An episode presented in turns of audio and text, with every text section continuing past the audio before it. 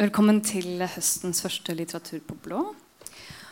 Og i kveld har vi invitert biolog og forfatter Dago Hessen og stipendiat i toksikologi eh, Julie Sørli Paus Knutsen til å snakke om klimaklassikeren 'Den tause våren' eller 'Silent Spring' av Rachel Carson. Uh, ordstyrer for samtalen er Eirin Andresen Betten, som er fra redaksjonen. Samtalen vil vare ca. én time, og så er det mulig til å stille spørsmål etterpå. God fornøyelse.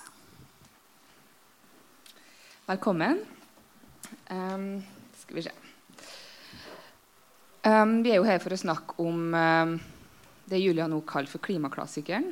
Uh, 'Silent Spring', eller 'Den tause våren', som den er oversatt til norsk på den kom i 1962, eh, og to år etter så, så døde jo Carson. Så det var Hun fikk jo hun fikk um, utgitt et par bøker i forkant òg, for det meste som handla om havet. Så det her var hennes sitt, sitt store bok om uh, miljø og klima på et annet nivå enn hun kanskje var vant til å skrive om. da. Og den handler jo for dem som har lest den fra før, um, eller for å lære mer, så handler jo denne boka om en form for rovdrift på naturen. Altså menneskets behov for å kuratere um, naturen for produksjon, da, for matproduksjon, for ressursbruk. Og, ehm, og bl.a. Ved, ved en ganske stor og kraftig bruk av uh, ugressmiddel. Og det som blir snakka om i boka, er for det første DDT. som vi Jeg skal la dem som kan noe om det, få lov til å prate om det. Um, men den har òg blitt omtalt så kanskje en av de viktigste bøkene om miljøet som er utgitt i 20. århundre. Men òg den boka som virkelig satte i gang den moderne miljøbevegelsen. Så jeg tenker kanskje vi kan bare starte der. Hva er årsaken til det? Uh, Dag, vil du prøve? Vil du starte? Ja, boka ja? ble som den ble, og fikk sånn uh, oppmerksomhet. Egentlig lenge før uh, andre miljøproblemer hadde dukka opp, og egentlig før miljøet var på agendaen i det hele tatt. og før... Uh, miljødepartementer var dannet osv. Så, videre. så hun var virkelig en pioner. Kanskje sin tids Greta Thunberg, på en måte. Selv om de var veldig forskjellige som personer. da, og så Sammenligningen slutter der, men hun hadde omtrent tror jeg, den samme innflytelse i sin samtid som Thunberg tilsynelatende har nå. Eh, og Historien bak eh, boka er eh, veldig interessant i seg selv. altså den eh, starter med at en franskmann på 1860-tallet tar med seg noen eh, spinnmøll over til USA for å starte silkeproduksjon.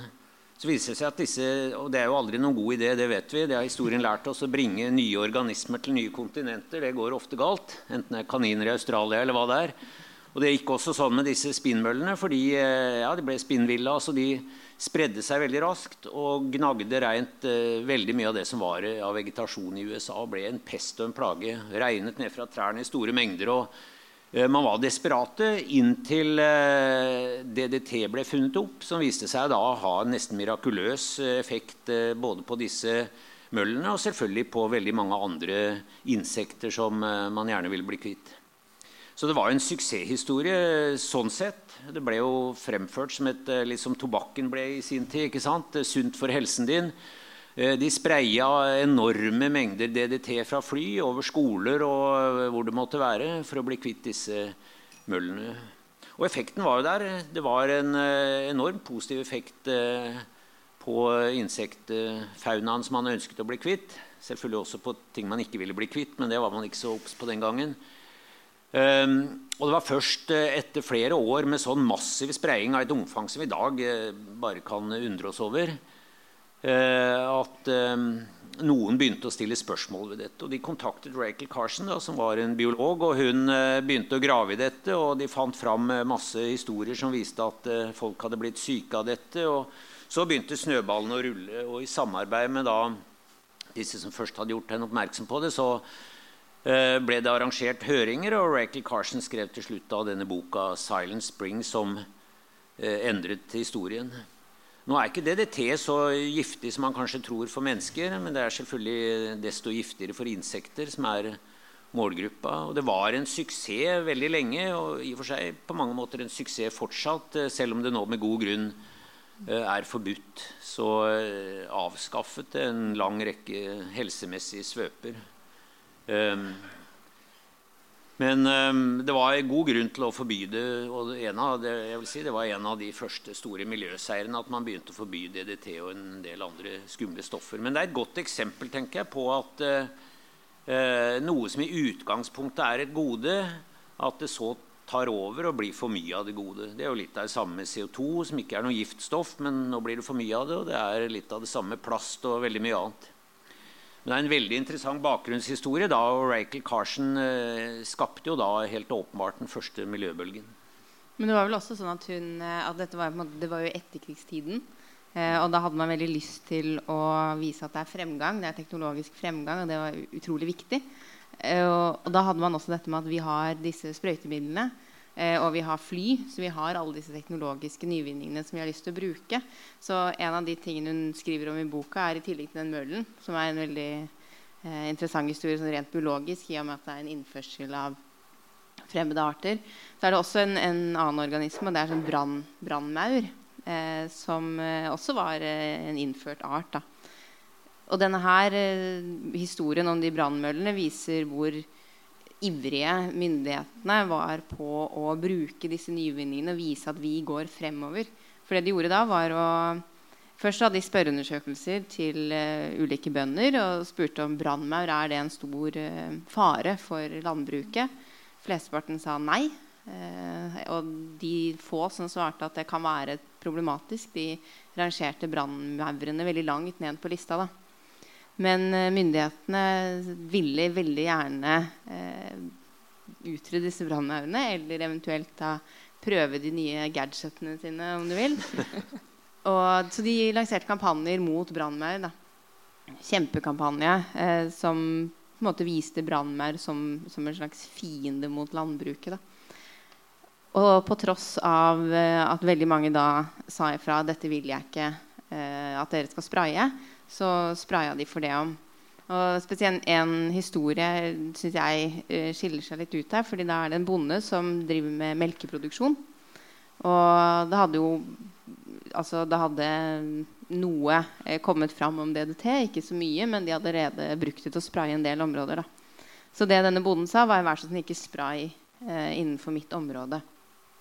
Og de myndighetene sa da nei, vi skal ikke spraye innenfor dette området. Men eh, de, de, holdt jo ikke det de lovte, så de spraya to ganger eh, over hennes område. I tillegg så var det da eh, drift, altså vind, som førte med seg kjemikaliene over hennes område. Så all melken hennes ble jo ødelagt. da. Burde ikke selges, ikke sant. Og det var et stort økonomisk tap for henne, samtidig som Eh, som man ikke altså, Det er jo veldig synd å kaste så mye melk.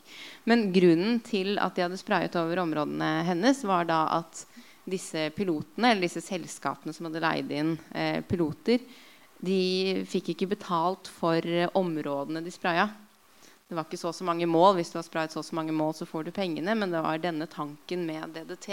Den må du bruke opp. Spray eh, hvor du vil. Så det er, eh, synes jeg, det er en sånn god godt eksempel på hvorfor hun også skrev denne boken. Altså, DDT ble jo um, forbudt ti år etter boka kom ut, um, i 1972. Så kanskje vi bare kan for å spesifisere det, Hva er DDT? Hvorfor ble det forbudt? Hva var konsekvensene av bruken? Hun snakker jo mye om det at det lagrer seg i næringskjedene, bl.a. Ja. Det, ja, det stemmer. Så DDT er sammen med en rekke andre kjemikalier det vi kaller persistente organiske Eh, stoffer. Eh, det betyr at de er persistente. altså De brytes ikke veldig lett ned i naturen. Og så samles de oppover i næringskjedene. Så fra de blir eh, spraya da, på jorda, så kommer de kanskje ned til et blad. Og så råtner dette bladet og blir til jord, og så spiser meitemarken det. Og da blir det konsentrert i meitemarken, fordi meitemarken eh, fjerner jo mye av bladet, men så blir da disse miljøgiftene igjen. da. Og så kommer det da eh, en organisme, si en fugl, og, eller, og spiser da meitemarken. Og så skjer det samme igjen. Da blir det konsentrert i fuglen. Resten av fuglen går jo ut, men disse miljøgiftene blir igjen da i fuglen. Så kommer det kanskje en større fugl og spiser denne fuglen, osv. På den måten så blir det da oppkonsentrert. Det blir en veldig viktig økologisk innsikt dette, i det man kaller eh, biooppkonsentrere eller, eller biomagnifisering. Eh, også dette med, det viste også hvordan en del miljøgifter, eh, disse såkalte organiske miljøgiftene er fettløselige. og Det har jo vært et paradoks at noen av de stedene i verden vi de siste årene har funnet høyest forekomst av sånne miljøgifter, eh, er i polare strøk rundt Svalbard. Man har funnet skyhøye konsentrasjoner av dette på toppen av næringskjeden, hvor du både da har denne fortløpende akkumuleringen oppover i næringskjedene, som nå er standard i alle biologiske lærebøker, ikke? Og, og i tillegg så har du da det faktum at disse næringskjedene i nord er veldig fettrike, fettbaserte, og de, det gir en ekstra forsterkende effekt. Men det, det er interessant, fordi eh, i, eh, i, boka så står det om, eh, om DDT-funn i polare strøk. og dette viser jo også at det tar tid før du kommer til polare strøk. For det er sånn som du sier at nå er det jo veldig veldig mye miljøgifter her som er fettløselige. fettløselige. Men den gangen så hadde de eh, skrevet om en, en eh, studie da, som hadde undersøkt, og de hadde ikke funnet DDT i de områdene ennå. Så det tar litt tid før det kommer. Og det er vel kanskje på en måte noe av hovedessensen eh, i boka. At det tar tid da, før vi ser effektene. Men, men, disse stoffene som, som, Dag sier, de er jo da fettløselige. Og det gjør at de i dag er veldig mange av de på en liste som heter Stockholm-konvensjonen, som er eh, miljøgifter vi ikke skal bruke. Og de har jo Det er ganske mange eh, ulike biologiske responser på disse stoffene. Men eh, det man så typisk hos dyr da, som fikk i seg DDT, var eh, nerveskader da, før, de, før de døde. Og også hos mennesker så var det ulike nerveskader, men også muskelskader med DDT. Da. Men som Dag sier, DDT var ikke det verste. Eh, det var ganske mange andre stoffer som hun også skriver om i boka, som var ganske mye verre enn DDT. Da. Ja, for når et stoff, um, sånn som DDT, da, blant annet, blir fjerna eller forbudt uh, Hun nevner jo også i boka blant annet, at selv om det var forbudt i um, Nei, unnskyld. Um, det kom vel fram i forordet at selv om det ble forbudt i USA, så uh, eksporterte de jo bl.a. DDT til andre land i etterkant. Men um, det ble jo forbudt i USA i 1972, og i 1974 så ble jo Roundup lansert. Da kom det på markedet.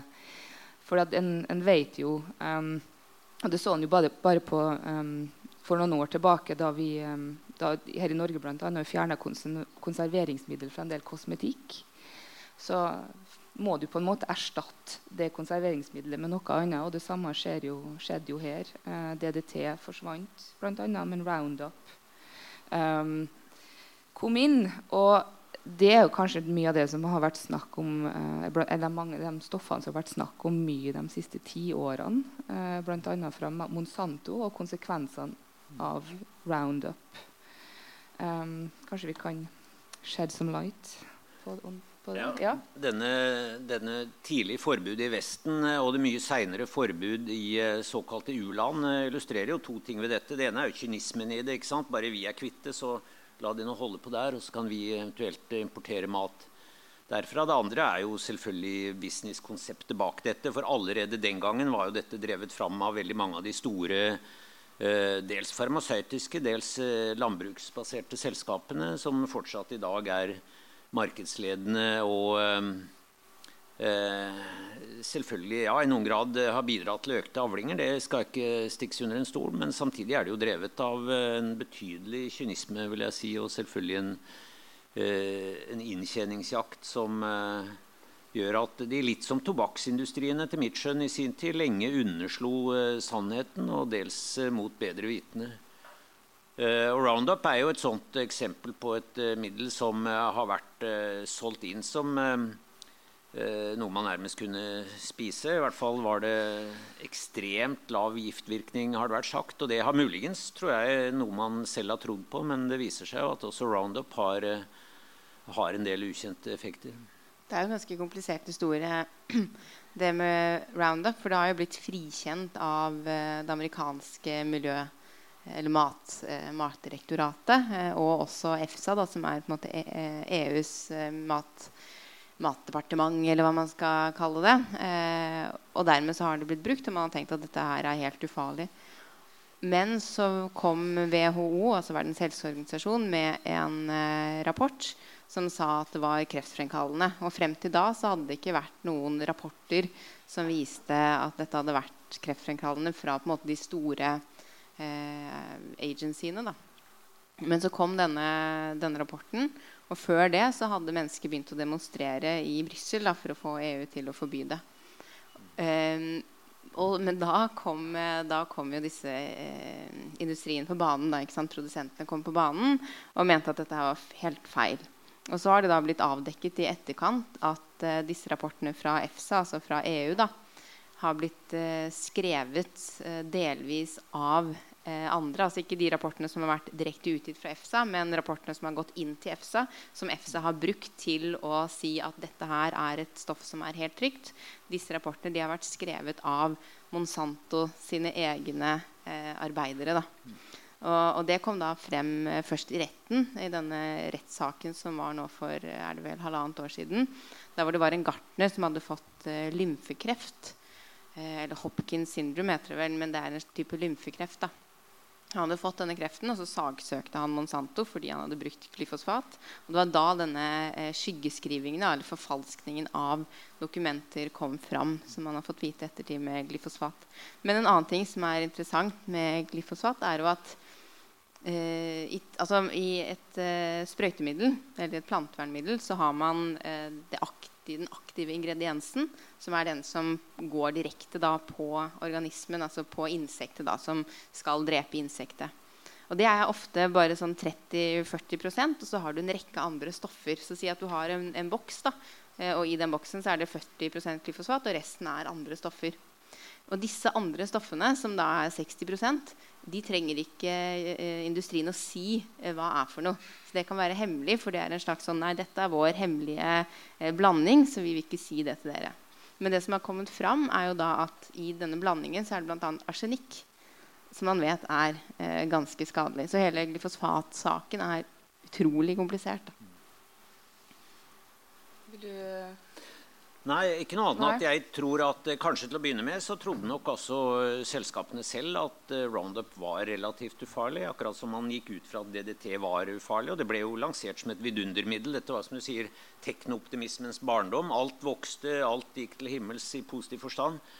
Eh, og det var liksom ingen skyer på himmelen før det gradvis da begynte å dukke opp eh, noen sånne motstemmer. Og Rachel Carson var en av de første. Men så ser vi jo da etter hvert som det akkumuleres bevis for at dette faktisk eh, ikke er så uskyldig som man vil ha det til, og eh, til og med direkte skadelig, så fortsetter man denne markedsføringen da, men da mot bedre vitende. Igjen da som en parallell til tobakksindustrien. Ja. ja. for det er jo interessant med slik, slik bok um, av altså gjennomsnittsmann, eh, gjennomsnittsmenneske, kanskje vi kan si, um, så vil jo en slik bok um, bli oppfatta som nesten revolusjonerende, vil jeg si. Den er, gir enorm innsikt. Den forklarer faktisk mye av det som foregår i bakhagen din. Eh, hvor maten kommer fra, hvordan det påvirker oss osv. Men når det kommer til sånne store firmaer som Monsanto og Bayer, så vil jo ei bok um, og det kan hun muligens ble oppfatta som en alarmist på den tida òg. Uh, eh, og at dette òg var et verk som kanskje en skulle prøve å dytte til side. Um, kanskje snakke det ned. Um, og ikke minst det, en, Noe av kritikken var vel at mye av bevisene hennes ikke var basert på tall og statistikk. bl.a. Ja. ja. Det, men det, ja. Hun opp, altså, den hetsen hun fikk etter å ha utgitt den boken, den var massiv. og så sprøytemiddelfirmaene, En interesseorganisasjon til disse sprøytemiddelfirmaene de brukte 250 000 dollar eh, på å sverte hennes gode navn og rykte. De hadde en såkalt eh, Silent Spring eh, Kit som de sendte ut til diverse husstander eh, hver uke etter at denne her var publisert. Der hvor de eh, kom med en negativ omtale av boken. Eh, der hvor de bl.a. sa at alle tallene hennes er feil, og forskningen hennes er feil. Men eh, de klarte aldri å bevise at det var feil. Og før den ble utgitt av det forlaget som utga den, så så sendte de den til en toksikolog som gjennomgikk hele boka og sa at alt dette stemmer. Så det var ingenting feil. Men hun ble jo fremstilt som en uh, crazy lady, og det finnes nettsider fortsatt. Altså Fortsatt er folk sinna på Rachel Carson. Det finnes nettsider i dag som heter uh, rachelcarsonKillsbabies.org. Fordi at de mener at uh, pga. forbudet mot DDT så er det mange barn som har dødd. Og på den nettsiden så finnes det da bilder av døde barn. Da. Det er veldig groteskt. Uh, og, ja, ja, så, så på en måte hun opplevde så mye hets etter denne boka her, samtidig som hun også fikk alt dette positive. Men, men eh, ja, det var helt eh... Ja, vær så god. Nei, Det er noe med å treffe tidsånd for det og lansere dette til rett tid. Og at tida på en måte være, må være moden for det. og det, det var nok denne boka, pluss at den selvfølgelig da har den berømte narrativen. altså Det er skrevet på en, eh, en måte som gjør at den fenger. Så er det også interessant at uh, dette er kanskje kan si, den første bølgen uh, av det som gjerne er blitt kalt miljøpessimisme. Det var jo, um, og i og for seg da med god grunn, det var jo Malthus' dystre betraktninger om at verden, eller i hvert fall deler av verden ville kollapse fordi matvareproduksjonen økte lineært, mens befolkningsveksten var eksponentiell. Og Så tok jo Malthus feil med hensyn til når dette ville skje. Han hadde jo egentlig rett prinsipielt. Noe av det som gjorde at han tok feil, var jo bl.a. sprøytemidler. Og det var også nordmann Bolaugs grønne revolusjon. Men så kommer jo da den neste bølgen eh, av miljøengasjement, som kanskje er den sterkeste vi har sett eh, inntil nå. Som var da koblet mot eh, våre avfallsprodukter, altså ikke ressurstilgangen som Malthus og nymalthusianerne var opptatt av, men, men våre giftstoffer. Det er jo litt i den tradisjonen IPCC og CO2-utslipp også er, selv om det altså ikke er giftstoff. Og så etterpå er jo dette med eh, artstap og klimaendringer kommet til. Så vi kan peke på noen sånne eh, bølger av miljøengasjement som i og for seg alle har vært startet av en eller annen som har vært tidlig ute og, og truffet tidsånden. Eh, problemet er selvfølgelig å opprettholde oppmerksomheten rundt dette. Da. Det mm. kommer gjerne i bølger. Mm. Er det derfor du kanskje um, sammenligner henne med Greta Thunberg? Ja, jeg håper både, det... både retorisk eh, og med tanke på hets, og ikke minst måten å formidle noe på. Det er jo noe overlappende eh, Ja, det er jo en standhaftighet og en egen overbevisning tror jeg, som gir en slags indre trygghet at dette er det verdt å ofre noe for. Mm. Jeg tror også Rachel Carson traff veldig med måten hun formidla på, fordi hun skriver veldig nært. Altså hun mm. skriver at hun, hun, har ganske mange eksempler, uh, og det er eksempler som treffer ulike grupper. da du har bl.a. Eh, barne, altså foreldre. Da. Uh, en historie er når hun, eh, som hun skriver om, da, er to gutter som er ute og leker med et, uh, med et huskestativ. Så finner de en pose som er tom, som det har vært en type plantevernmiddel i. Da. Så bruker de denne posen til å binde fast huskene og leke med. Og et par dager etterpå så er begge guttene døde.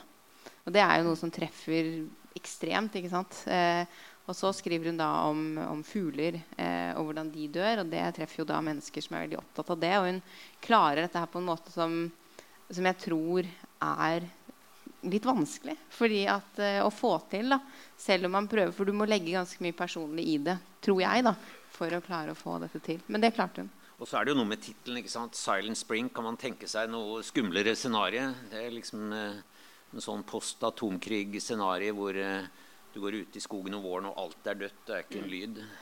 Men det var jo også eh, altså Det at hun kom med denne første delen av boken, som er da beskrivelsen av den stille våren, da, som du snakker om, den, det er ingen fugler som synger, det er ingen fisker i elven, det er ingen insekter som summer. Alt dette her. Bare for å komme tilbake til det hun opplevde da hun ga ut boka. Eh, da ga eh, sprøytemiddelprodusentene de ga ut en egen liten bok som het 'Den øde verden', der hvor de ironiserte rundt det Rachel Carson hadde skrevet. Da. Og denne sendte de da ut til eh, alle som, som skrev anmeldelser av bøker og magasiner osv. Bare for å sverte hennes eh, navn. Jeg vil gjerne gå litt tilbake til det vi snakka om. Altså den teknologiske, økonomiske fremdriften, da, altså innovasjon. Um, for det er jo åpenbart at denne boka her um, er et slags sånn inderlig ønske egentlig om å formidle noe som innovasjon fører med seg. Altså konsekvensene av det vi kan kalle kanskje det menneskelige prosjektet. Um, og det er og på en måte det menneskelige prosjektet er å, å, gå videre og avansere og bli mer teknologisk, mer innovativ, skape bedre løsninger. Um, skape bedre løsninger for flere mennesker, sånn som bl.a. genmodifiserte frø vi kan si at de må gjøre. For kan, det, det, tillater deg på en måte å produsere mer mat for, for flere mennesker, selv om det har sine åpenbare konsekvenser. Det er jo sånn single crop-type uh, um, type planter. Um, unnskyld, type um, produksjon. men det er jo òg litt der vi kanskje møter på miljøproblematikken òg, fordi at det er det ønsket til å gå videre og til en sånn stor innovasjon som har sørga for at vi har bl.a. klima- og miljøproblemer sånn som vi ser dem i dag. Um, og det er jo da kommer vi jo kanskje inn på det vi, som Elisabeth Colbert kaller den sjette utryddelsen. Eh, at, altså, den er jo blant, den er kobla opp imot uh, um, klimaforandringer, men jeg vil si at det som har med miljø å gjøre, og um, type, type kjemi, altså kjemikalier vi bruker for å produsere store, store, mengder med mat for store mengder mennesker, da, vil muligens ha altså en, da, en, av årsakene til at vi har det som kalles for den sjette utryddelsen i dag. Er, det, er jeg på riktig spor her? Ta, ta, dere vet her mye bedre enn meg. Uh, ja, altså For det første så tenker jeg at jeg har på mange måter sympati for dette at menneskeheten vil videre og finne opp nye ting og gjøre nytt og vil videre. og på mange måter har jo verden blitt et bedre sted. Det får vi stadig høre av de som mener at alle miljøadvarsler er, er helt forfeila. Jo, men verden er jo blitt bedre. og, og Det er jo riktig, og jeg tror det er mye vi skal være stolt over av, av, det vi har fått til. og Det gjelder jo altså det vi kaller plastproblem i dag, er jo resultatet av en genial nyvinning når det gjaldt polymerkjemi, som har gjort verden på mange måter til et bedre sted. Men det er dette at det blir for mye av det gode. Og mye av det som skjer, er jo ikke av vond vilje, men det er det at det blir for mange av oss, og vi forbruker for mye. og sånn at Det er ikke en helt sånn svart-hvitt. Det er klart, uh, Jeg ønsker også at verden skal gå videre på et vis. Det, er kanskje det som har vært litt av miljøbevegelsens uh, dilemma også, at den har blitt en sånn nei til-bevegelse som har malt seg selv inn i et hjørne og framstår som sånn tilbakeskuende, og alt det nye er skremmende, og vi vil helst ha det sånn som det var på 60-tallet. og vi skal sitte og småfryse og spise kald havregrøt og ha det litt kjipt. ikke sant? Det og det har ikke noe appell. Så det er jo, jeg syns det er viktig å argumentere for at man skal, eh, verden skal gå framover, men altså på andre måter. Og litt av problemet i dag, og ikke minst av det som, uh, som skaper problemer for verdens mangfold, det er jo uh, konsum og arealbruk. Etter hvert seiler jo også klimaet opp, men enn så lenge så er det vårt arealbruk rett og slett, som er, og, og, og overhøsting som er eh, hovedproblemet der. Julie?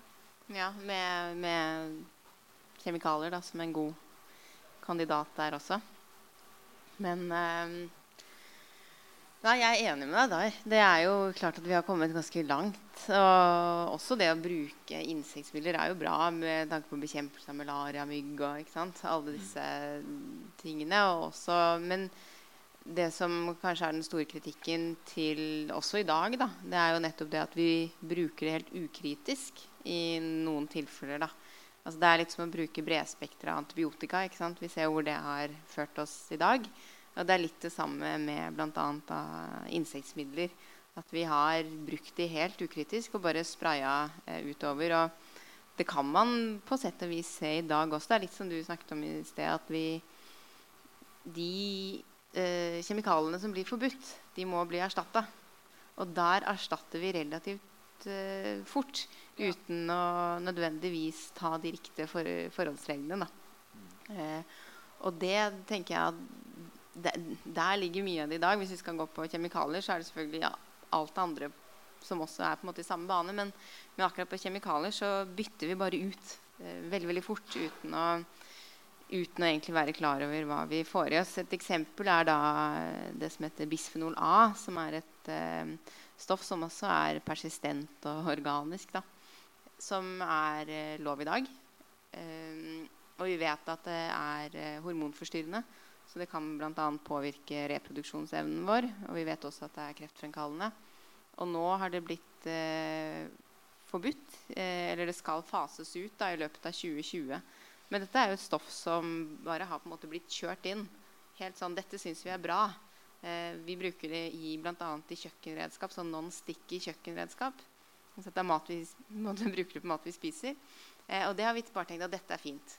Og så kommer det da inn rapporter som sier at oi, her har det skjedd det og det, her har det skjedd det og det. Og da sier man at det, det skal fases ut. Men så kommer det til å komme inn et nytt eh, stoff. Helt ukritisk, det også. Og da er jo på en måte spørsmålet når skal vi stoppe opp og ta en pust i bakken og si ok, hva skal vi gjøre nå? Er det riktig å bare kjøre på med, med nye stoffer? Men, men, der kan det jo hende at eh, kjemikalieindustrien har mye å si. da De tjener jo tross alt penger på dette. Jo, altså Kapitalismen vil jo ikke den stopper ikke opp, den stagnerer ikke, og den ønsker nok ikke å gjøre det heller. Så den vil finne alternativer for å fortsette produksjonen sin uansett. Altså koste hva det koste vil, da, for å ha et sånn kleint ordspiller. Men um, du, uh, ditt forskningsområde er jo bl.a. BIA. Ja. Ikke? BIA er død, og det er jo kanskje den, altså den saken som troner over alle andre for tida. Um, hva, altså, det er det det snakkes veldig masse om. Um, det er jo blitt skrevet bøker altså den, I Norge så har vi jo Maja Lunde sin, uh, sin bok, sin, um, sin, roman som handler om det. Både et, uh, fortidshistorie, dagens historie og et slags sånn dystopisk framtidsscenario. Mm.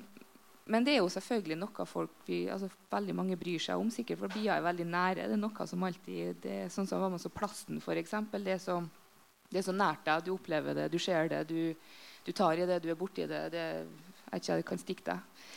eh, så du er litt redd for det. Men, um, og, dem, og den såkalte biedøden er jo kobla tett oppi der. Selv om mange kanskje tror det har direkte med klimaforandringer å gjøre, så er det vel egentlig ikke det det har. Det har mye med det har faktisk litt med klimaendringer ja. også. Men, men hovedtrusselen er jo at vi bruker for mye plass. Mm. Egentlig. At vi menneskene tar for mye plass. Altså, vi ødelegger områdene der hvor uh, de ville biene bor. Mm. Og det er jo sånn ting at eh, Det er veldig mange som tenker på bier, og så tenker de på honningbier. Eh, men er, de er, de er avla fram. her har man raser, og man krysser raser og i det hele tatt. Så de kan man på en måte klare å holde i live uansett. Men vi har nærmere 30 000 ville bier. det er de vi på en måte må tenke på. Det er vi, det er de biene vi tar fra områdene der hvor de bor, og vi tar fra matfatet deres. Eh, men så har du jo en rekke andre problemer som er knytta til forsvinningen av bier. Da. Det er jo da bl.a. innførte arter, som vi har vært inne på, som da er parasitter i dette tilfellet, som har eh, kommet til land der hvor de ikke hører hjemme, men som har da et eget matfat i alle disse ville biene som ikke er vant til å håndtere disse parasittene, da, og som dermed blir angrepet av dem, og bakterier og virus. Eh, og så har du også insektmidler. Eh, og det er jo ikke noe sånn altså Det kommer jo ikke som en overraskelse kanskje at insektmidler også er skadelige for bier. For det er jo også insekter. Eh, og det er det, jeg, det er det jeg ser på. da, Insektmidler og hvordan det påvirker eh, biene. Men det er klart at klimaendringer er også eh, et problem. fordi hvis vi tar f.eks. humler, da, som alle har et godt forhold til, for de er lubne og hårete og søte De bor i en viss del av verden. De er jo hårete. Og det betyr da at de liker seg ikke altfor varme områder. Men det man ser, er at pga. klimaendringene så blir det varmere der hvor de, i den sørligste delen av der hvor de holder til. Eh, og så blir de pressa nordover. Men vi ser også at de ikke utvider området sitt like mye eh, nordover som det de mister sørover. Og dermed så blir de færre da. Så det er også en effekt eh, som vi ser på, på, biene. da. Nå skriver ikke hun så mye om det i boka, hun skriver, nevner det litt. Men det er mer, eh, det er mer disse husdyrene, altså honningbiene. da. Mm. Vil du ha noe å tilføye, eller? Nei, ikke annet enn at kanskje det er igjen et godt eksempel på at man ikke skjønner hva man er i ferd med å miste før det er på vei ut. Altså, for de fleste så var vel bier noe som surra rundt og i beste fall ga oss litt honning. ikke sant?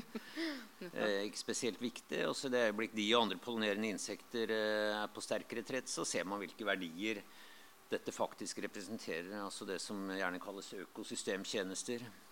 Så eh, Det er jo alltid lettere å nå fram med økonomiske argumenter ofte mm. enn sånn at de har, naturen har sin egenverdi og alt dette, selv om det er jo det egentlige argumentet i bunnen. Men eh, biene eller pollinerende insekter er et veldig godt eksempel på at vi eh, først når de er i ferd med å forsvinne, ser eh, hvor viktig de faktisk er. Men det er jo litt det du sier, at her har vi noen økonomiske konsekvenser. ikke sant? Med at veldig mange bønder trenger dette. Altså mm. landbruket lever jo Eller store deler av landbruket lever jo på pollinering. Ikke sant? Og med en gang man har dette, så er det mulig å, å gjøre noe da, for å redde dem. Mens hva med, hva med alle de andre organismene da, som er en del av det store samspillet? Og Det er også det som blir vist i denne boka. her, at Når du sprayer når du kommer med fly og sprayer over store områder, så dreper du ikke bare brannmauren. Eller du dreper ikke bare den møllen. Du dreper alt. Og det har jo ringvirkninger, for det er jo tilsvarende studier da, som viser at uh, Europas fuglebestander, ikke bare Europa, men det er der man har best uh, tidsserier og, og, store tall på, uh, er også i, i, tilbakegang. Ikke alle artene, noen øker, men i det store og hele så er det en ganske betydelig nedgang i Eh, individantall. Altså, det betyr ikke at artene dør ut, men at eh, populasjonene som vi sier, avtar. Og det er jo ikke så rart, fordi eh, For det første er jo fuglene også avhengig av varierte arealer. så Når vi dyrker opp våtmarker eller gjør om eh, variert natur til monokulturer med korn, så er det klart at det blir mindre livsområder. Ikke minst blir det mindre mat. altså For insekter er jo en Så, så dette, jo, eh, dette har jo ringvirkninger, og insektene er på mange måter nav i økosystemene både i form av mat, nedbryting og veldig mange andre tjenester da, som de, de gir oss. Ja, de fleste artene på jorda er jo insekter. ikke sant? Så ja, det er også, ja. Bunn, altså de ligger jo i bunnen, så alle er jo på en måte avhengig av de oppover. Nesten. Hvis vi skal gjøre en slags konsekvensutredning, worst case scenario, av biedøder, hvordan ville det ha potensielt ha sett ut? Ja Nei, eh, jeg tror vi ville sett eh, eller vi ville sett, det er jo 88% av alle blomster blir jo pollinert av insekter. ikke sant? Eh, helt eller delvis. da, Så de som blir helt pollinert, de, da vil jo de forsvinne. Eh, og så er det en del som vil klare seg greit. Og det samme gjelder med, med landbruket. da, altså, Men det syns jeg er litt mindre interessant. Eh, eller sånn, Selvfølgelig er det interessant, men men det er mer spennende eller spennende er kanskje ikke riktig ord, men, men, det er mer interessant å se på hva som skjer med økosystemet. Da. Hvis vi fjerner blomstene, eh, så er det jo ikke bare biene som forsvinner. Det er jo andre pollinerende insekter. ikke sant? Og så har du også de insektene som lever av eh, dødt materiale, som da også vil slite. Og hvis da insektene sliter, så kan det da igjen eh, påvirke de som spiser de, som er fugler osv. Så, videre, og så, videre. så har du på en måte hele det store nettet da, som vil uh, få konsekvenser av bidøden. Et sånn klassisk sitat som helt sikkert er feil, da, men uh, Jeg vet ikke Som uh, ja, Alle har sikkert hørt det, men siteres Einstein siteres på å ha sagt at hvis bien dør ut, så dør menneskeheten ut i løpet av fem år. Som for det første han helt sikkert ikke har sagt. Skulle han sagt det, så er det ikke spesielt autorativt. For Nei. han ikke mye greie på, eller hadde ikke mye greie på insekter. Og, for det tredje så er det ville ikke vært uh, riktig heller. Altså. Så sannheten er at vi ikke vet annet enn at konsekvensene vil være store. Og Det blir en fattigere ja. verden. Altså. Det, er, det, er, helt åpenbart. Og jeg har tenkt å gå ut i skogen, og så ser du på en måte bare en brøkdel av de blomstene du pleier å se. Det er jo sånn rent estetisk også ikke fint, altså ikke hyggelig, men, men, det er litt den der den stille våren, at vi har den igjen. At vi ser at her lever vi i et slags sånn apolyptisk verden eh, ikke sant, som gjør oss kanskje litt urolige. Da. Ja, du har jo flere litterære um, fremstillinger. The Road, f.eks., av um, McCarthy. Um, men, men um, jeg vet ikke, jeg får sånne dystopiske tanker her nå. Maja Lunde har jo også litt Maja sånn Lunde, ja, det er akkurat man det. må drive med håndpollinering i en sulten ja, verden. Og, og, Black Mirror har jo den episoden der biene, de har laga altså bier av sånne små digitale bier. Ja, ja. Um, og det er jo et uh, definitivt skrekkscenario når du begynner å kontrollere dem. Du hacker biene. Mm. Men det er noe helt, nå er vi på en helt annen Jeg har sett den episoden, men uh, sikkert ikke alle ja, som har sett den. Det, det må du gjøre. men um, altså, det tar jo litt omfanget, og Rachel Carson definitivt oppfordrer jo til handling vil jeg si. Altså, hun, hun, hun, maler et bilde av um, det som foregår da, på hennes tid. Og det er åpenbart at et, en slik en historie er ment som et nesten som en form for kamprop. da. Men her sitter vi fortsatt 60, nesten nærmere 60 år uh, etter og fortsatt, uh, og fortsatt prater nå da kanskje litt nye problemer. Noe er tatt hånd om, noe er ikke tatt hånd om. Um, hva kan vi gjøre? Jeg vet at Det er et veldig stort spørsmål, men akkurat på det her til, i dette tilfellet, hvis vi bruker biene som et eksempel, hva, hva, kan vi gjøre bare som helt uh, handlende enkeltindivider i denne verden? Hvordan kan vi bidra? Det er et veldig stort spørsmål. Det er et veldig stort spørsmål. Så vi kan bare prøve å svare så smalt som, uh, som ja. du sjøl mener riktig. Det går jo på en måte fra det helt lille som vi kan gjøre som enkeltindivider, og helt opp til på en måte å endre samfunnsstrukturen. Men eh, altså Det lille vi kan gjøre, er jo selvfølgelig å plante flere blomster. ikke sant? Og, og la det være rotet i hagene våre, Det er sånn at de kan finne noen steder å, å ha bol. da, og, og, den type ting. Men eh, til syvende og sist så handler det jo om systemet. ikke sant? Og da handler det ikke bare om biene, men det handler om alle organismer og hvordan vi ser på verden. Og om vi ser på oss som en del av verden, eller om vi ser på oss som på en måte utenfor og herre over verden. Da. Og det gjør vi jo i dag, og det betyr at vi bygger ned alle leveområdene for ikke alle, men en del av leveområdene for veldig mange organismer. Og vi bruker plantevernmidler og andre kjemikalier som er skadelige for organismer. Og vi gjør en rekke ting da, eh, som er skadelige, og som bygger på en måte ned naturen og, da, og jeg tror at for å kunne endre dette, så må vi må gjøre noe helt oppå systemnivå. Da. Og så er det jo påvirkningen vi har da, ved, å, ved å gjøre nettopp sånn som Rachel Carson. At vi sier ifra at hei, nå er det noe som skjer. Eller Emma eh, Thunberg, da, som vi har i dag. Og sier at dette her kan ikke eh, fortsette. Og det Rachel Carson klarte, var jo å få forbud mot en del sprøytemidler. og Miljødepartementet eh, i, eller Miljøverndepartementet i USA ble opprettet som en konsekvens av denne eh, boken, samt en del lovgivninger som da beskytter eh, naturen. Men det er litt det å holde trykket på det hele tiden. fordi disse um, lovgivningene blir jo i dag til dels latterliggjort av Donald Trump. ikke Så, så, det er litt den der at vi må holde trykket på det hele tiden. Takk. Den som vil lese noen rent praktiske råd eh, Men det skjer jo mye her. altså Folk lar jo hagene sine stå dels uklipt. Det er ikke om å gjøre å ha en mest frisert plen. Slottsparken står til dels eh, Så på det, det, lille nivået, som ikke skal undervurderes, eh, gjøres det mye. og Jeg kan anbefale en bok av en som heter Dave Golson. Det er Dave han heter, ja, ikke? Dave. 'Mitt liv med humler'. Han har skrevet flere bøker, og alle er styrtelig morsomme. Skrevet med sånn tørrvittig humor. Men han er en av de store insektforskerne som virkelig ser på dette på metanivå også, og analyserer dette. Og har masse gode råd på alt fra hva vi kan gjøre i bakhagen, til hva eh, man kan gjøre i landbrukspolitikken ved å sette igjen noen små øyer av, eh, av ugress, hva man skal kalle det, i, i disse sterile landskapene. Ellers vil jeg jo si at uh, Rachel Carson er, var jo en av de som virkelig fikk til endring. Altså, som viste at uh, sånn sett nytter i hvert fall et stykke på vei.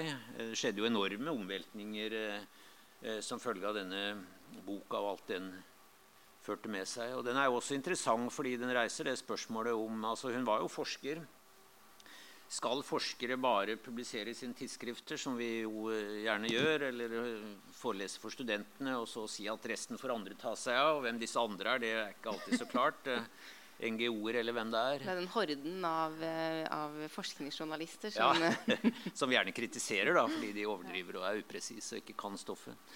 Eller skal vi av og til da være dristige og gå ut og ikke akkurat uh, være Rachel Carson, men tørre å si tydeligere fra. Og jeg mener jo at vi forskere har et ansvar for det også. og Noen har gjort det, men det er åpenbart at det koster. Det kosta for Rachel Carson og det koster for James Hansen, en av de store sentrale klimaforskerne fra NASA, som eh, har fått gjennomgå vel så mye som Rachel Carson, og også andre da som, eh, som på en måte har forlatt den trygge elfenbenstårnet og uttalt seg offentlig. Så det mener jeg jo er en rolle vi vi forskere bør ta, samtidig som vi selvfølgelig skal gjøre det med et faglig grunnlag. Det er veldig viktig, akkurat den balansegangen der.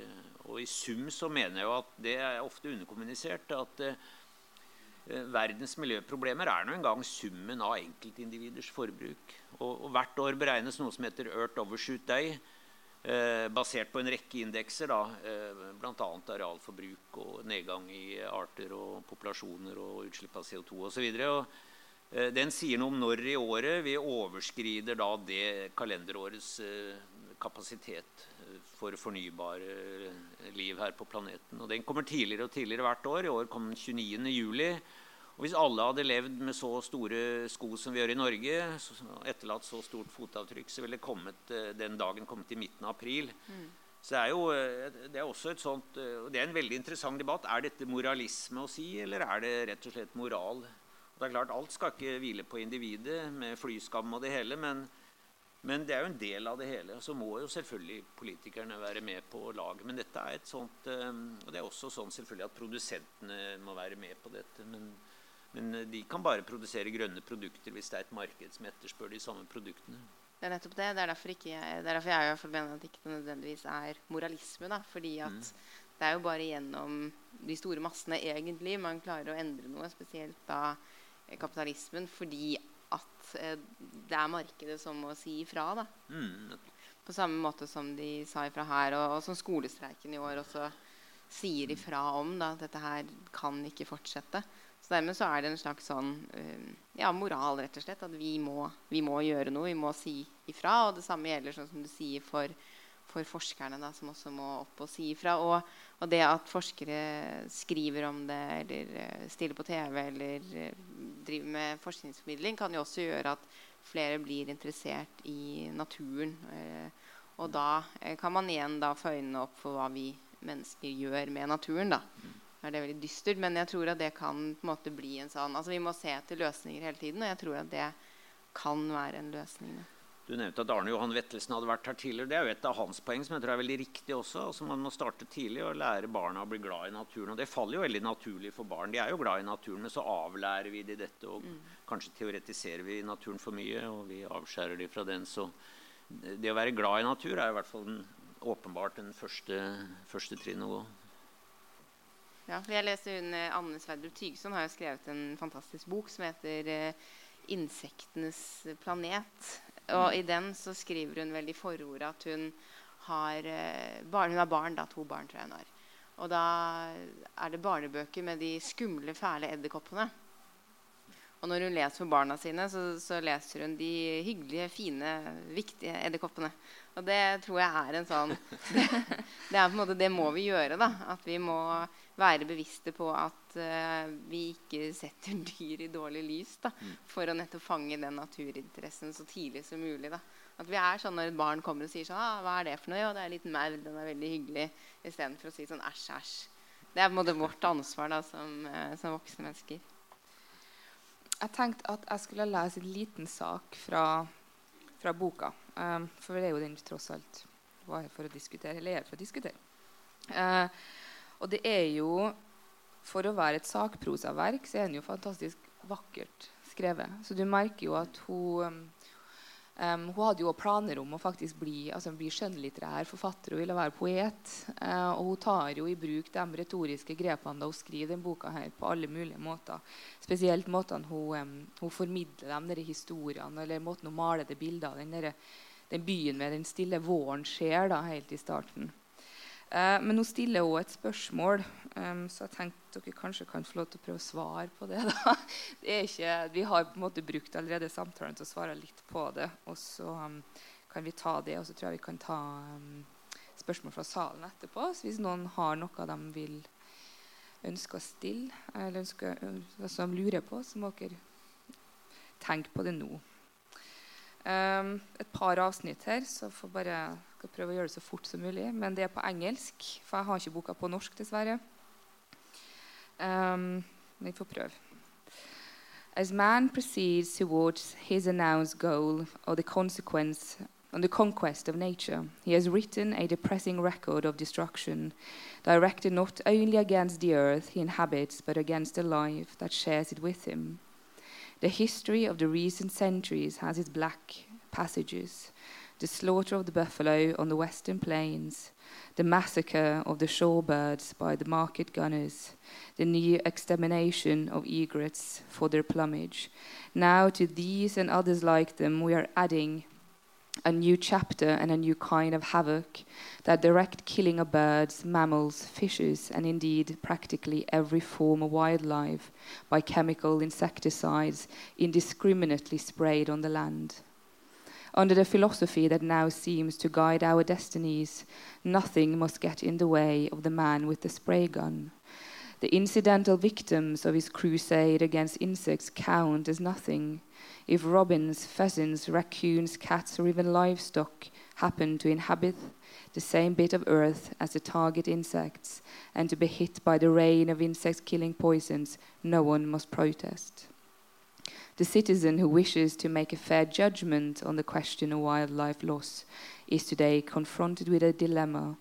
On the one hand, conservationists and many wildlife biologists assert that the losses have been severe and in some cases even catastrophic. On the other hand, the control agencies tend to deny flatly and categorically that such losses have occurred or that they are of any importance if they have. Which, way, which view are we to accept? Og det ligger jo på en måte naturen og mennesket versus kapitalismen, tenker jeg, og det, det menneskelige prosjektet. Gjør det ikke det? Jo, altså det, Jeg har interessert meg mye for det menneskelige prosjektet. For det har jo på mange, mange måter vært å fjerne seg fra naturen. Eh, og jeg tror det har to begrunnelser. Det ene er jo å få kontroll med naturen, da, som eh, lå der som en svøpe med sine insekter og uvær. og eh, Vi var på en måte prisgitt en, en, voldsom og veldig natur. Mennesket var lite, og naturen var kolossal. Så det å få kontroll med naturen eh, har alltid ligget der. Og etter hvert har vi jo klart også å temme natur og husdyr og fått en slags tilsynelatende kontroll. Den andre ønsket om å fjerne seg fra naturen var nok mer sånn av eh, moralsk, teologisk art. At der ute var den brutale, sjelløse, amoralske naturen, mens mennesket da måtte dyrke sin egenart som et eh, moralsk vesen, og gjerne et moralsk vesen skapt i Guds bilde, for det lå jo også i, i dette at uh, i skapelses, uh, eller i dok, den religiøse, kristne doktrine så var vi jo gitt en herskerolle over naturen. Så jeg tror dette har nok vært med på å skape et ønske om å, å få kontroll, og i og for seg et, et legitimt ønske, kanskje et stykke på vei, og et ønske om å fjerne oss fra naturen. Men Alt sånn har en, eh, en, bakside, og det er jo litt av den hun beskriver her i veldig poetiske vendinger. Men som sagt, eh, som vi har vært inne på før, noe av grunnen til at boka fikk sånn suksess, er nok at den ikke er skrevet i et knastørt, typisk vitenskapelig språk. altså. Det har vel ingen har lagt merke til. Mm. Og vi skriver også bl.a. en bare for å gå inn på det du sier nå, at om hvordan ekornene dør. Det har festa seg veldig hos meg at de dør i en spesiell positur der hvor de har hendene eller de små labbene foran ansiktet, og at de finner spor av jord i munnen deres fordi de da har bitt i bakken av smerter. Den, den, måten da å beskrive noe på er helt sånn er jo helt forferdelig å, å, lese det. Så jeg tror det er, eh, er riktig.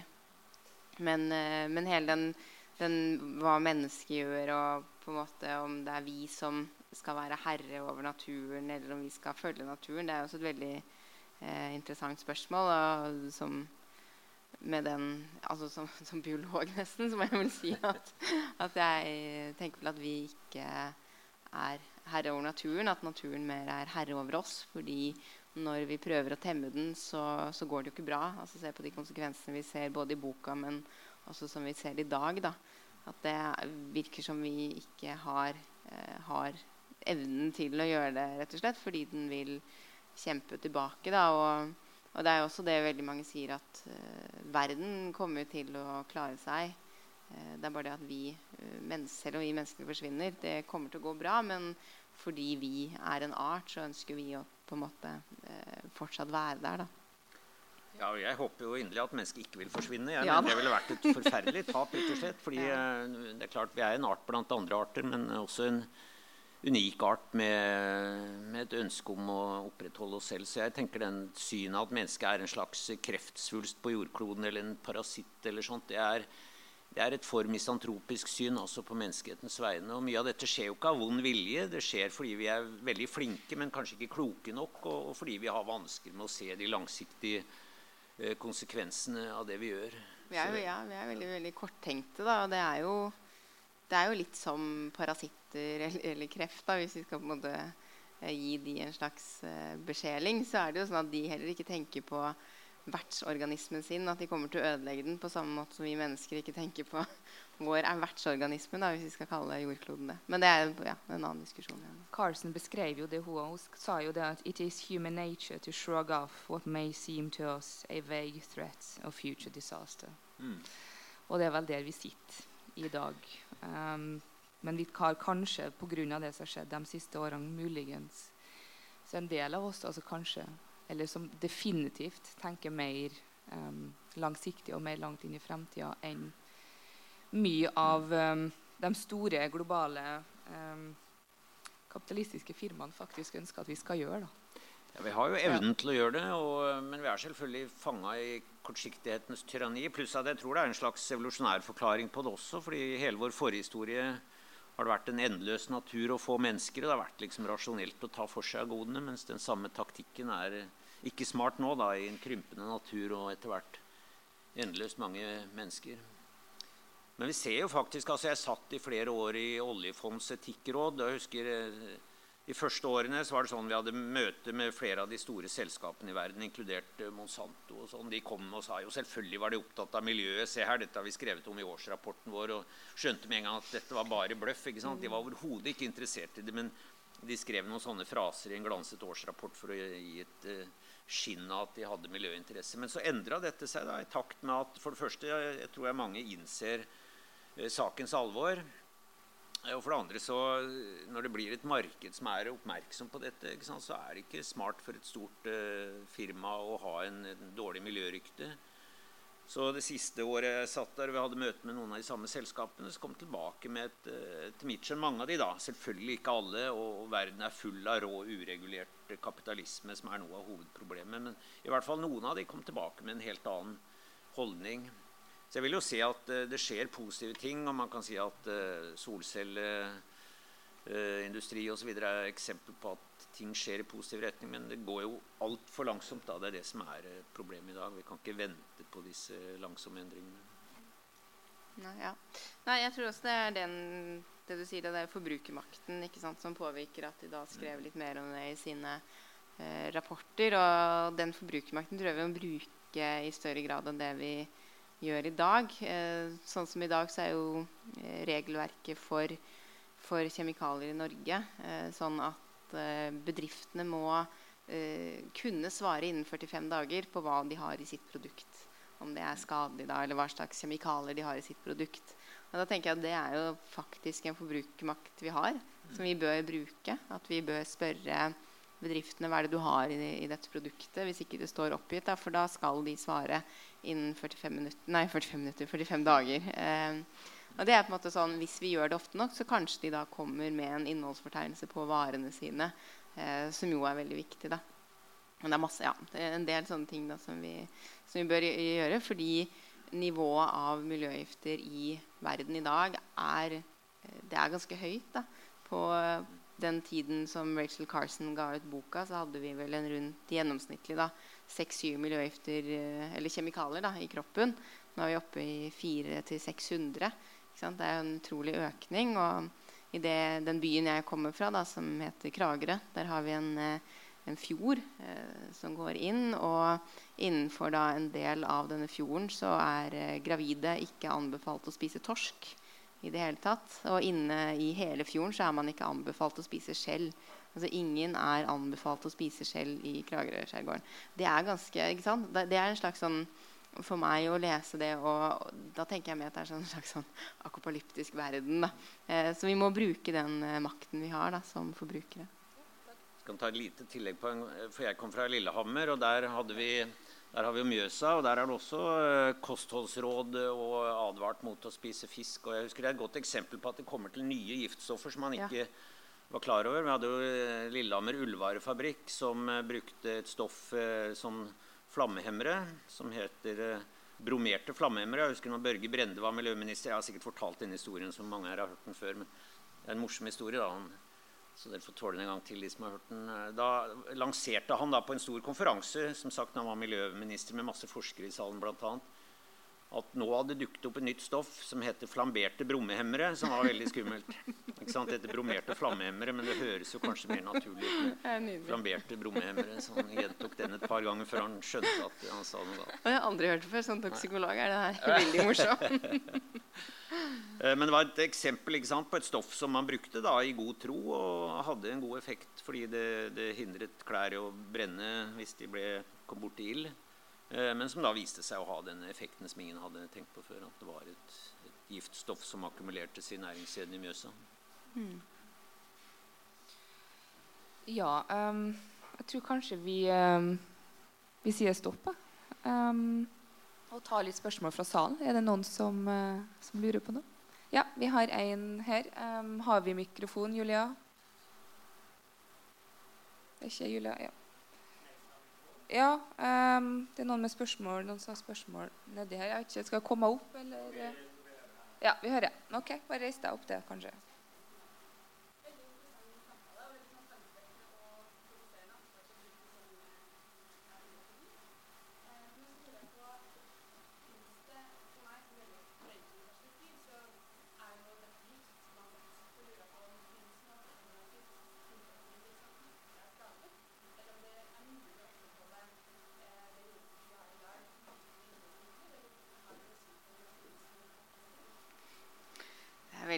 Eh, spørsmål og noe som har blitt prøvd eh, besvart eh, veldig mange ganger. Men eh, ja, eh, det skal finnes Altså det skal være mulig å drive med mye mindre insektmidler enn det vi gjør i dag. Og samtidig ha nok mat til hele verden. Da. Men da må fordelingen bli helt annerledes. Eh, for sånn som det er i dag, så er det jo at vi på en måte i de vestlige landene får veldig mye. Og i andre land så får de veldig lite. Da. Men det er en artikkel om dette som jeg har lest for ikke lenge siden, som da går på nettopp det at det er faktisk mulig. Jeg har regnet på dette, og de har funnet ut at det er faktisk mulig å bruke da mye mindre eh, insektmidler enn det de gjør i dag. Og, og, det er også litt av det som, som, man må tenke på når vi snakker om miljøgifter. Da, at det, det, er dosen som gjør at det blir giftig eller ikke. Da. Så i veldig stor grad så er jo også vann eh, giftig. Og, og, sukker, ikke sant? men i den ikke i, hvis vi bare tar litt av det. Og det er det samme med, veldig mange insektmidler, men ikke de som hoper seg opp i naturen. Der er, de er bare giftige, da, og de vil på en måte ikke forsvinne. og Jo mer vi bruker av det, jo mer får vi det. Det er sånn som det vi kaller eh, legacy-stoffer. Altså stoffer som fortsatt er med oss, vår, vår arv. da. Der de finner vi fortsatt oppe i Svalbard selv om, i, i nord, da, selv om de er eh, blitt ulovlige for lenge, lenge siden. Men det vi kan gjøre da, istedenfor å bruke insektmidler, er jo det at vi har en del eh, biologiske måter å kontrollere ting på. Da. Dette blir en liten historie. Men det mest kjente og den første måte, biologiske kontrollen vi hadde, det var da eh, i California. Så dyrka de mye mandeltrær. tror jeg. Du kan sikkert denne historien eh, bedre enn meg i dag. Men eh, jeg tror jeg de dyrka mye mandeltrær. Og så fikk de inn et, en liten sånn ullus som gikk løs på disse mandeltrærne. Da. De visste ikke hva de skulle gjøre. Det eneste de visste, var at denne ullusa den kom fra, fra New Zealand, eller om det var Australia. Og dette var i, på slutten av 1880 rundt der. Så de visste ikke altså Det, var, tok ganske lang tid å dra til New Zealand eller Australia. da. Men de sendte ut en biolog eh, til eh, da New Zealand. Og det tok et år, da, denne turen over til New Zealand. Og han samlet sammen bl.a. marihøner. Og så dro han tilbake igjen og så sa han, ok, eh, nå har jeg de samlet disse marihønene. Vært et år på New Zealand, samlet mange, brukt et år på å komme tilbake igjen. Skal vi se om vi tar knekken på disse ullusene. Og så satte de ut mange marihøner, og så tok det faktisk knekken på disse ulusene. Så de klarte å holde det under kontroll. Og det er, som også da eh, er veldig synd, er jo at når DDT kom, og alle disse nye sprøytemidlene, så tenkte de at eh, ja, ja, disse marihønene de har vi, men nå har vi dette nye, mye bedre stoffet. Nå sprøyter vi det på. Og det gjorde de. Eh, og det har jo da ført til at Eh, det har blitt en slags ødeleggelse den balansen de hadde, den økologiske balansen de hadde, som da gjør at de må spraye igjen, og at de fortsetter å spraye det, ikke med DDT, men med andre stoffer. Så det går an. Vi må bare ikke ødelegge det. Ja. Og det skriver hun også en del om i boka. da.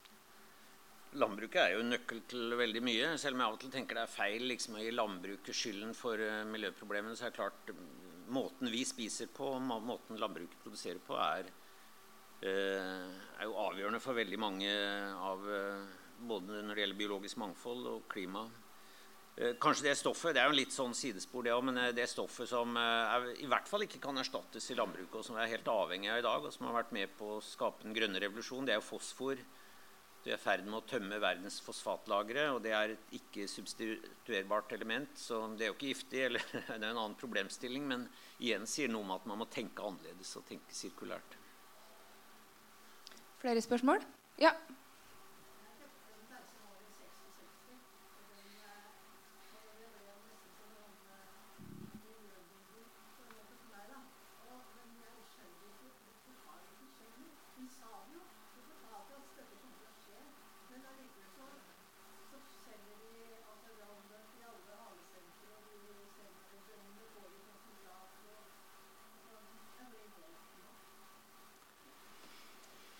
Det har jo skjedd noe. jeg vil si. Det, altså, mange skumle stoffer er jo blitt uh, forbudt. Ikke bare DDT, men, uh, men, mange andre også. Men så har jo andre kommet til som har vært antatt og vært mye i hvert fall har det vært markedsført da, som mye mildere og snillere.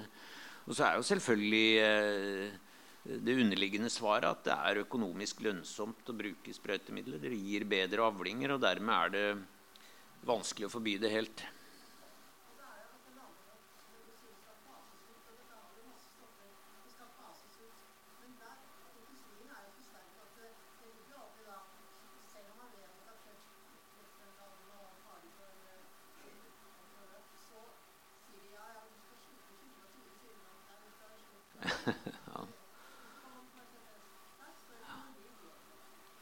Det er nok fordi det er rett og slett eh, det er, For det første er det nok vanskelig fordi det er ting i produksjon. Men for det andre så er det det at det er som du sier, det veldig sterke økonomiske interesser eh, i dette her. Og det er jo ikke noe å eh, skjule det, egentlig. Eh, det er altså de som produserer sprøytemidler og andre, altså plantevernmidler eller andre midler for den saks skyld, de, er, de har veldig, veldig mye midler. Da, de har sterke interesser eh, inn i ulike regulatore organer. Da.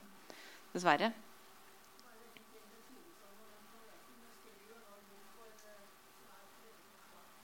Ja, den er, ja, jeg har sett det. Veldig, veldig bra. Mm. Ja.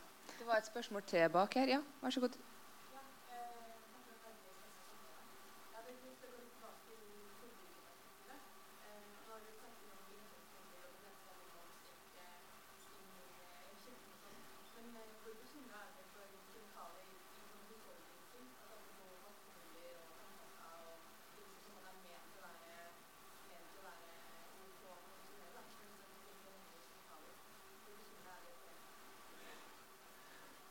Altså, jeg vil jo si at jeg er ganske bekymra, jeg, da. Men, eh, men, det er jo nettopp fordi at vi ser at de, veldig mange av de tingene vi, kjemikaliene vi trodde var trygge, ikke er det allikevel. Da.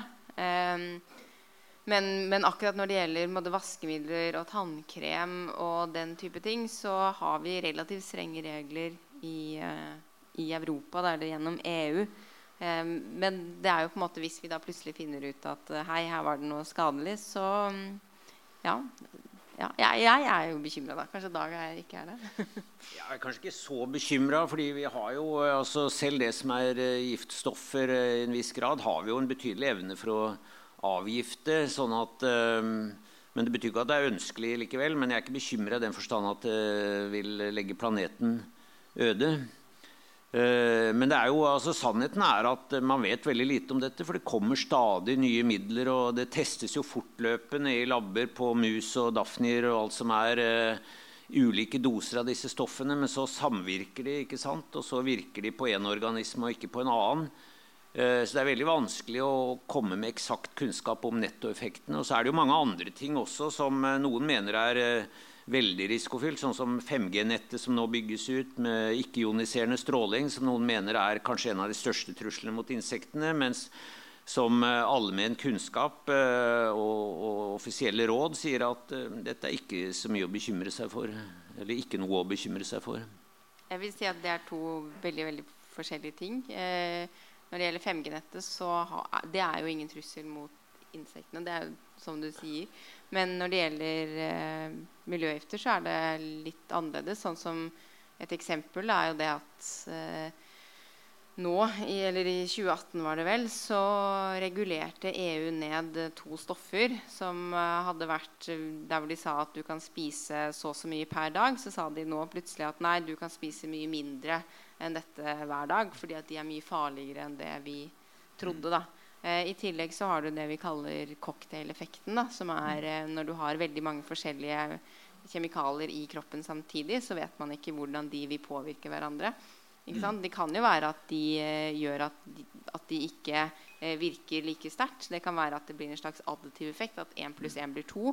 Men det kan også være en forsterkende effekt. Da. Og dette her vet vi veldig veldig lite om fordi at det er så mange forskjellige kjemikalier som vi ikke tester opp mot hverandre. Og, og det er jo som du sier, Jeg tror ikke at planeten kommer til å legges øde. Virkelig ikke. Men vi ser jo i dag at det er ganske mange eh, konsekvenser. Bl.a.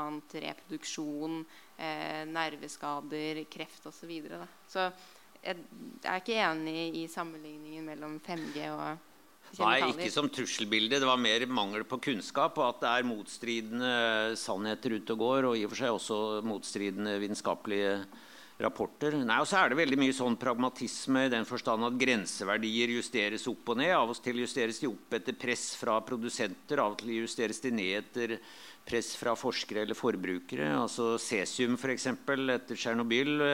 Der varierte jo grenseverdiene opp og ned nesten fra år til år. Eh, men jeg tror svaret på dette er altså eh, at man har en føre-var-holdning. Og at der hvor det ikke er en veldig god grunn til å bruke kjemikalier, så bør man unngå det. Så at man rett og slett en ikke lar seg diktere at eh, en sånn kjekt å ha-holdning med tilsetninger men tvert imot altså en veldig restriktiv holdning. At man ikke bruker eller tillater et middel eh, før det er veldig veldig gode grunner for det, og også veldig mye som taler for at det ikke er skadelig. Flere spørsmål? Ja. Takk. Hadde vi noen flere spørsmål? Ja, bak. Da snakker du om den sjangeren som kalles for nature writing. i Ja. Jeg kan godt ta det òg, altså, hvis det ja. Hvis du bare skyter inn noe. Men det er Veldig kort. Altså, der tenker jeg også det har skjedd eh, Jeg hører ikke med til de som alltid mener man skal være sånn krampeoptimistisk. Tvert imot. Altså, eller krampepositiv. Men der har det faktisk skjedd eh, en del bra ting. Eh, for noen år siden så gjennomførte vi en studie hos forskerne på Matnat.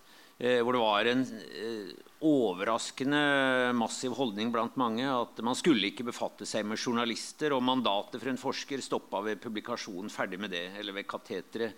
Man skulle ikke for noen pris eh, ha kontakt med journalister, og det var virkelig et, eh, et gjennomgående argument. Eh, så mange år senere fikk vi nå på banen dette kurset som heter MNKOM, som er formidling i naturvitenskap, som er blitt en, si en stor suksess. Og vi ser en helt annen holdning nå blant unge som skriver eh, om eh, forskningsresultater, forskning som sådan, og som også engasjerer seg i, i miljøspørsmål. Og jeg vil jo si at eh, ja, Anne Sverdrup Tygesen er kanskje ikke helt ung lenger, men hun er et eksempel på en, en ny generasjon som skriver og formidler. og hun er langt fra alene. Pluss at du har disse interessante sjangerblandingene altså med Maja Lunde og andre som, som pakker dette inn i en skjønnlitterær fortelling, og som kanskje ofte er mer virkningsfull. Så i hvert fall eh, Vi er kommet et langt skritt fra den tidligere stivbente holdningen da, at en forskers eh, mandat stoppet ved publikasjonen. Ferdig med det. Jeg tror det er kjempeviktig at, at vi sier at du sier det, du som er på den generasjonen som er over Anne, da, kanskje.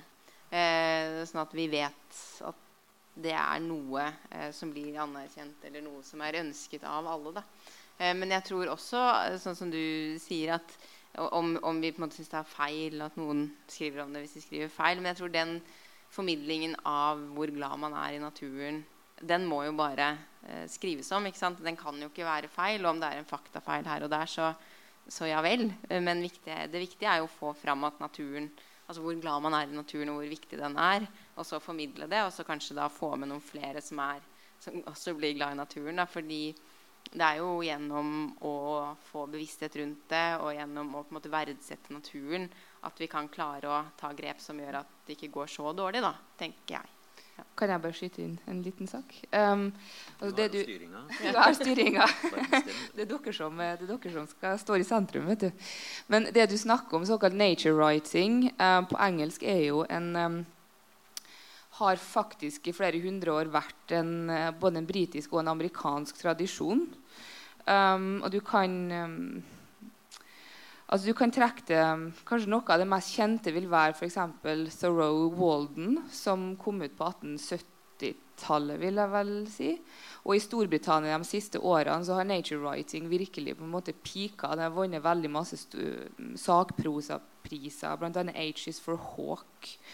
Um, og de har noe, det, det, er nok ikke sånn Norge versus andre plasser. Så har ikke Um, akkurat den sakprosasjangeren den har faktisk stått veldig sterkt i Norge, men den har aldri fått det um, formidlingsbegrepet da, som nature writing, for det er vanskelig å oversette til norsk. Og vi har ikke helt, eh, på en måte ikke helt bestemt oss hva en skal kalle for noe ennå.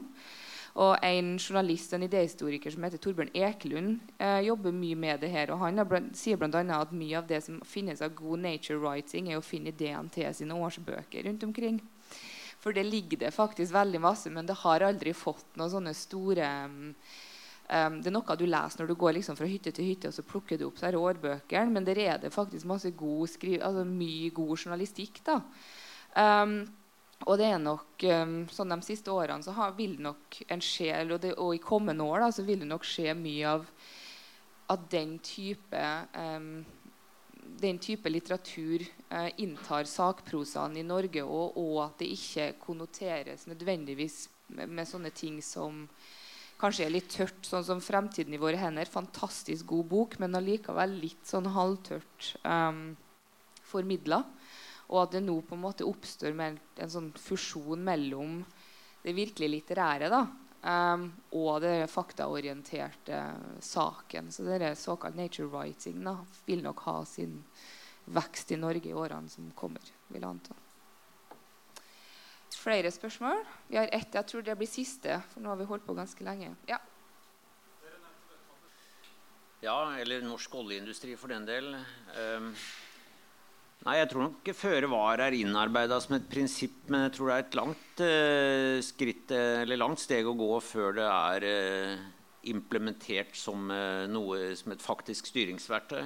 Jeg tror det er jo litt av det samme som bærekraftig utvikling. Det er et sånt begrep man er blitt litt lei og ikke riktig vet hvordan skal brukes og anvendes. Alle er enige om at det er riktig og viktig, men samtidig så er det vanskelig å få gitt konkret innhold. Så jeg tror nok ofte at uh, selv om ingen vil bestride det som et viktig prinsipp, så taper det ofte i hverdagens kamp. Da. Og det er jo også noe med at turtallet i samfunnet øker og, raskere, og går raskere og raskere. og det å teste disse stoffene det er en ekstremt møysommelig jobb. Altså Det området man kanskje klarer å gjennomføre dette, da, for da er det jo menneskelig helse som står på spill, det er ved uttesting av nye medisiner.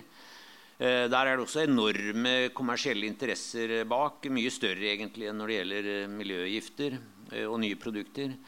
Men der er kriteriene ekstremt strenge før dette slippes ut på markedet. Så der gjennomfører man virkelig en føre var. Så hvis man kunne legge seg på noe av det tilsvarende prinsippet i, i bruk av fremmedstoffer i natur eller produkter, så, så kunne mye vært gjort. Så ja, prinsippet er godtatt, men i praksis er det nesten tror jeg, bare på humanmedisinens område at det virkelig gjennomføres. Ja, jeg tror heller man lever etter målet for herlige middelet. Eh, i stor grad. Men eh, for sånn som man ser i dag på når det kommer nye kjemikalier på markedet, da, så er det produsenten selv som skal teste de. Eh, og de skal gjennomføre en rekke veldig standardiserte tester på laboratoriedyr. Eh, der hvor alle parameterne, altså alt er helt likt. Da, ikke sant? Og det har Eh, ikke så mye med virkeligheten å gjøre. Og, men, men, de testene kommer jo da eh, relativt ofte ut som greie. da. Eh, men det er ingen som etterprøver hvordan de har blitt gjort. Og sånn som med de innsiktsmidlene jeg jobber med, så var jo testene fra produsenten at her er alt flott. Bare kjør det ut. Og så har jo da forskere ettertid gjort forsøk i andre miljøer. Blant annet ja, så har vi jo gjort det, vi også. Og vi finner ut at eh, disse stoffene er mye mer skadelige da, enn, det, enn det produsentene eh, sier. Da, og da blir det jo, i hvert fall i EU, da, så har disse stoffene blitt eh, forbudt til en viss grad. Men, eh, men, det var ingen som tenkte at nå skulle være føre var. Man stoler jo bare blindt på produsentenes egne tester, som som sagt er helt på en måte inne i et hvitt rom. Da, og ikke har så veldig mye med naturen å gjøre. Mm. Da var det siste ord. Da tror jeg vi sier takk til Julie og Dag.